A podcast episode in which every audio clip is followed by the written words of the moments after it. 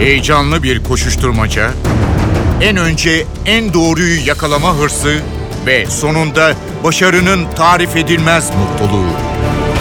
Manşetlerin perde arkası, habercilerin bilinmeyen öyküleri muhabirden de. Muhabirden şimdi başlıyor.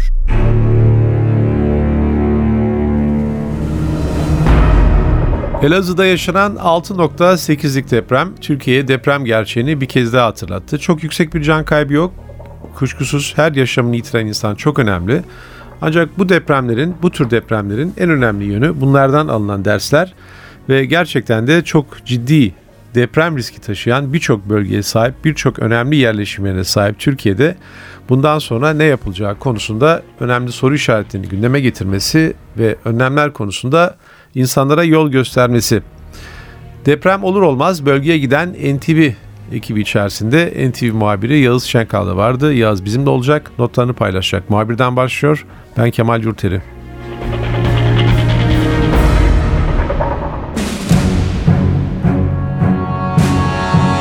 Yağız deprem bölgesinden yeni geldin. Deprem olur olmaz oraya giden NTV ekibinde sen de vardın. Şimdi tabii depremin o bölgeye Elazığ'a neler yaptığını sizin yayınlarınızdan da gördük. Tüm Türkiye de gördü. Ama e, merak ettiğim başka konular var. Belki de e, bundan sonrası için e, ne yapılacağı veya ne yapılması gerektiği konusunda oradaki izlenimlerin katkı sağlayabilir. Öncelikle gittiğinizde ilk gördüğün e, tablo e, nasıl bir tabloydu? E, 6.8 kimine göre çok büyük bir deprem değil ama e, eğer yapılar çok sağlam değilse çok yıkıcı olabilen bir deprem. E, Elazığ'daki ilk manzara neydi? Elazığ çevresindeki manzara nasıldı? Şimdi biz uçakla Diyarbakır'a indik. Elazığ'da araç bulmak çok zor olur diye düşündüm. Diyarbakır'da kiralık araç ki son araçtı. Onu da bulur bulmaz işte yaklaşık bir, bir buçuk saat süren yolculukla ilerlemeye başladık. Ama ben yol boyunca tabii hep bakıyorum acaba yıkılan bir bina var mı? Özellikle Diyarbakır'dan Elazığ'a geçtikten sonra Maden ilçesinde hep ilk e, ilçe o. Bakıyorum hiçbir bina yıkılmamış. Ta ki Gezin'e gelene kadar. Gezin bir köy. Esasında orada Hazar Gölü hemen yan tarafı yazlık diyebileceğimiz bir yer. İstanbullular için söyleyeyim. Büyükçekmece, Silivri gibi bir yer esasında. Genelde alçak katlı evlerin olduğu bir yer ve onlarda hiçbir sorun yok. Bir tane Gezi'nin apartmanı var. Mavi Göl apartmanı. O bina yıkılmış. Sadece o bina. Ve o binada daha önceden 2011 Van depreminde hasar var. Bizim bina sakinleriyle konuştuğumuzda bunu öğrendik ama yine de orada oturulmaya devam edilmiş. Yetkililer gelmiş bakmış burada oturabilirsiniz az hasarlı demişler ve oturum devam etmiş ve sonra o bina e, o gün 3 kişiye mezar oldu. E, daha da facianın boyutu büyük olabilirdi ama yazlık olması bir de köyde başka bir yerde düğün olması nedeniyle apartman boş sadece 3 kişi orada hayatını kaybetti. Baktığımızda size esasında deprem olduğunu bilmeseniz yol boyunca ilerlerken elektriğin olduğunu görüyorsunuz. İnsanların normal yürüdüğünü görüyorsunuz. Evlerin sağlam olduğunu görüyorsunuz. Yani baktığınızda koca Elazığ'da esasa depremde yıkılan ve içinde insanların hayatını kaybettiği bina sayısı çok az. Ama sonrasındaki manzara korkunç çünkü bütün binalarda hasar var neredeyse. 10 binden fazla bina ağır, orta ya da az hasarlı. Yani şu anda içine giremiyor insanlar. Evet o anda yıkılmadı. Yıkılan sayı 3 bina merkezde 3 bina görüyoruz. Bir de Gezin ilçesindeki bina. Can kayıplarının olduğu toplamda 41 can kaybı. İlk bakışta 6,8'lik deprem nispeten ucuz atlatılmış gibi görünebilir. Ama akabindeki yaşayacağımız süreç çok daha ağır. Çünkü on binlerce insan şu anda ne yapacağını ne edeceğini bilmiyor. Nerede yaşayacaklar? Nereye gidecekler? Çadır kentler çok zor. Ee, çadır bulmak mesele. Hadi çadırı buldunuz içeri girdiniz. Soğuk. Çadır yani bu kışta bu soğuk ortamda eksi 10 derece nasıl geçecek? E, tuvalet. Ya şimdi bu iş yazın olsa salgın hastalık olurdu muhtemelen. Ama kış olduğu için en azından bu risk biraz azalmış ama tuvaletler büyük sorun kış nasıl geçecek çadırda gerçekten çok zor. Yani Elazığlıların şu anda en büyük derdi e, barınacak bir yer bulmaları. Ve dolayısıyla haberler de çıktı biliyorsunuz kiralık ev fiyatları arttı diye. Çünkü sağlam ev sayısı az, binlerce bina hasarlı.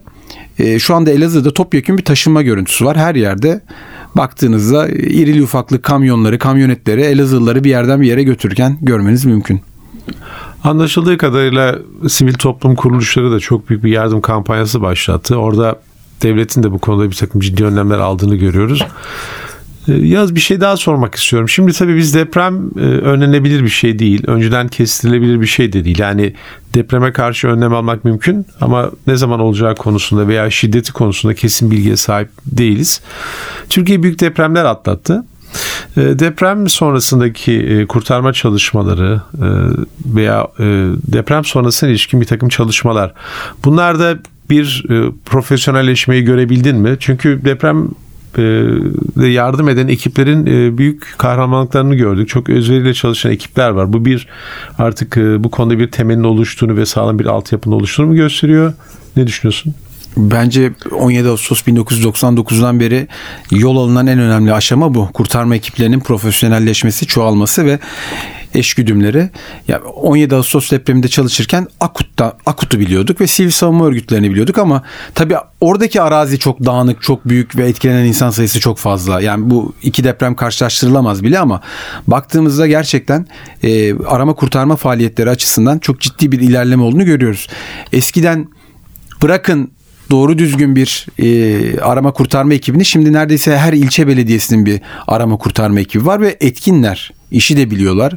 Arama kurtarma köpekleri var. E, eğitimliler ve bir e, AFAD'dan kaynaklı bir koordinasyon da var. E, bence 17 Ağustos 1999'dan beri yapılan en önemli gelişme arama kurtarma faaliyetlerinin bu derecede e, gelişmiş ve artmış olması. Ama bir kez daha söylemek lazım. E, bu nispeten diğer depremlere baktığımızda 17 Ağustos'la e, ya da 12 Kasım Düzce depremiyle karşılaştıramayacağımız çapta bir deprem. E, İstanbul, Ankara, e, Türkiye'nin dört bir yanından kurtarma ekipleri oraya aktı ve hiç ara vermeden çalıştıklarını biz orada gördük. Ger- gerçekten cansiperane bir çalışma vardı. Biri yorulur yorulmaz hemen yerine diğeri devralıyordu. Ve o köpekler o kadar e, muhteşem hayvanlar ki ya bizim hani kimilerinin işkence yaptığı, kimilerinin hor gördüğü, e, tekmelediği o hayvanlar orada o kadar çok insan hayatını kurtardılar ki gerçekten o muhteşem burunlarıyla e, hem arama kurtarma ekiplerini doğru yerlere yönlendirdiler. Hem de e, birkaç kişi de olsa e, saatler sonra da olsa insanların enkazdan canlı çıkarılmasını sağladılar. Elazığ'da Cumhuriyet Savcılığı tarafından başlatan bir soruşturma var. Bu defa çok kapsamlı. Yani her bir olayla ilgili, yıkımla ilgili 7 ayrı soruşturmanın başlatıldığını açıkladı savcılık. Bu bize şunu hatırlattı. Geçmişteki bu Gölcük tarafında yaşanan depremde de müteahhitler yargılandı. Sonra beraat ettiler veya bir takım binalar Türkiye'de çöker. Bunlar niye çöker belli değil. Hemen deniz kumu, dere kumu, işte ince demir vesaire Böyle bir tartışma devam eder. Bir takım yargılama süreci başlar. Sonra ben açıkçası çok uzun ve ağır ceza alan görmedim. Veya bunun e, pek de caydırdığı anlaşılmıyor. Çünkü İstanbul'u veya büyük şehirleri bırakacak olursak Anadolu'da hala çok kalitesiz bina yapılıyor. Yani deprem e, olsun olmasın o bölgede. Ee, o binaların kalitesi nasıldı? Yani bu yıkıldığını gördüğünüz hasar e, gördüğünüz binalar Elazığ'da nasıl bir e, izlenim uyandırdı sizde? Yani yapı açısından e, nasıl özelliklere sahipler? Şimdi ben özellikle o Dilek Apartmanı'nda bölgesinde görev yaptım. 12 kişinin hayatını kaybettiği Dilek Apartmanı. Orası 1980'li yıllarda yapılmış. 1982 yılında bir site. Sitede ama çöken tek yer bizim o yayını yaptığımız bloktu. Orası V şeklinde yıkmış, yıkılmıştı. Yani düşünün koca bir blok e, sağ ve sol tarafları ayakta kalıyor ama ortaya doğru göçme. Bunu deprem mühendisleri, inşaat mühendisleri bu tamamen yapının kalitesiyle alakalı bir şey diye anlatıyorlar. Yani orada artık beton kalitesi mi, kullanılan kum mu ya da acaba kolonlar mı kesildi bunları henüz bilmiyoruz. E, ama kesin bir sorun var ki o bina yıkılıyor. Komşu binalara hiçbir şey olmuyor. Düşünün aynı müteahhitin yaptığı e, aynı yıllarda yapılmış binalar koskoca bir mahalle Sürsürü Mahallesi yıkılan tek bina var. E, burada bir bir şey olduğu ortada. Demek ki fay gelecek, diğerlerinin etrafından dolaşacak, sadece bu binayı vuracak, geçecek diye bir imkan yok. Bir yerde bir şekilde soruşturma sonrasında ortaya çıkacak bir insan hatası oldu muhakkak. Ama o insan hatası 12 kişinin hayatını kaybetmesine neden oldu. 17 Ağustos depremini hatırlayalım. Simge bir müteahhit vardı Veli Göçer. Ondan başka doğru düz ceza alan oldu mu? Hayır. O da kamuoyu baskısı nedeniyle ceza aldı ve cezaevinde kaldı. Sonra serbest kaldı. Çıktı cezaevinden. Yani müteahhitlerle ilgili Türkiye'de yaklaşık 20 milyon bina var. Bu yapı denetimi de devletin sorumluluğunda olan bir şey. E, bu yeterli derecede yapılmazsa, yapı güvenliği, yapı denetimi uygun şekilde yapılmazsa biz daha küçük depremlerde de can kayıplarını görmeye devam edeceğiz. Elazığ depremi sonrasında yapılan yayınlarda dikkatimi çeken bir şey daha var. Çok yeni bir teknoloji var veya çok teknoloji yoğun bir takım çalışmalar var. Ee, binanın e, sağlamlığını ölçen e, lazerler gördük Yağız. Ee, çünkü eskiden bizim anladığımız veya eski usulden bildiğimiz hani bir mühendis gelir işte kuma bakar falan demirleri bakar işte onlar iyi bağlanmış mı bağlantı yerleri sağlam mı statiği sağlam mı vesaire. Ama bu defa bir takım e, AFAD özellikle çok e, karışık bir takım teknolojiler kullanıyor. Yani binanın sağlam olup olmadığını anlama konusunda e, lazerler vesaire. Bu teknoloji orada ne ifade edecek? Yani bu Elazığ depreminde aldığımız ders veya orada kullanılan bu teknoloji diğer binaların denetlenmesi, başka yerlerde risk altındaki binaların kontrolü konusunda nasıl bir perspektif veriyor? Elazığ özelinde konuşursam işi hızlandıracak bir sistem. Çünkü binlerce bina var. E, şu ana kadar sadece yüzde kırkı e, bakanın açıkladığına göre bakılmıştı. E, daha da devam edecek süreç tabii ki ama insanlar orada çok sabırsızlar. Haliyle binalarının e, geleceğini merak ediyorlar. Ne olacağı ne biteceği. Lazerli sistemler bu işi hızlandıran ama yani sonuçta nihai e, nasıl olacak derseniz karotlar alınması lazım, bakılması lazım, edilmesi lazım. Eee biz ama ne yazık ki depremler gündemimize geliyor. Konuşuyoruz. Bir hafta on gün sonra da unutuyoruz. Üzerine başka bir olay geliyor.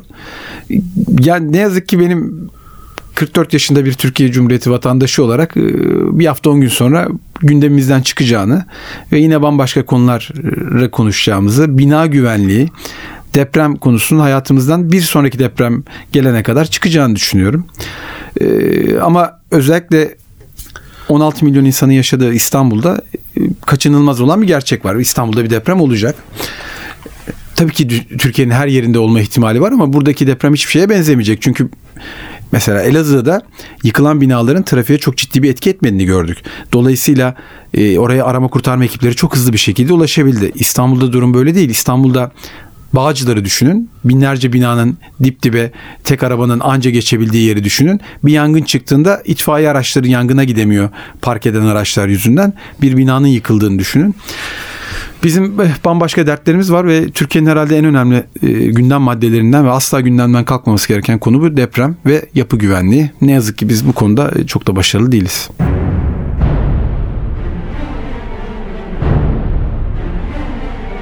41 insanın yaşamını yitirdiği Elazığ depreminde bölgeye ilk giden NTV muhabiri Yağız Şankal bizimleydi notlarını paylaştı. Ben Kemal Yurteli muhabirden de yeniden görüşmek üzere hoşçakalın.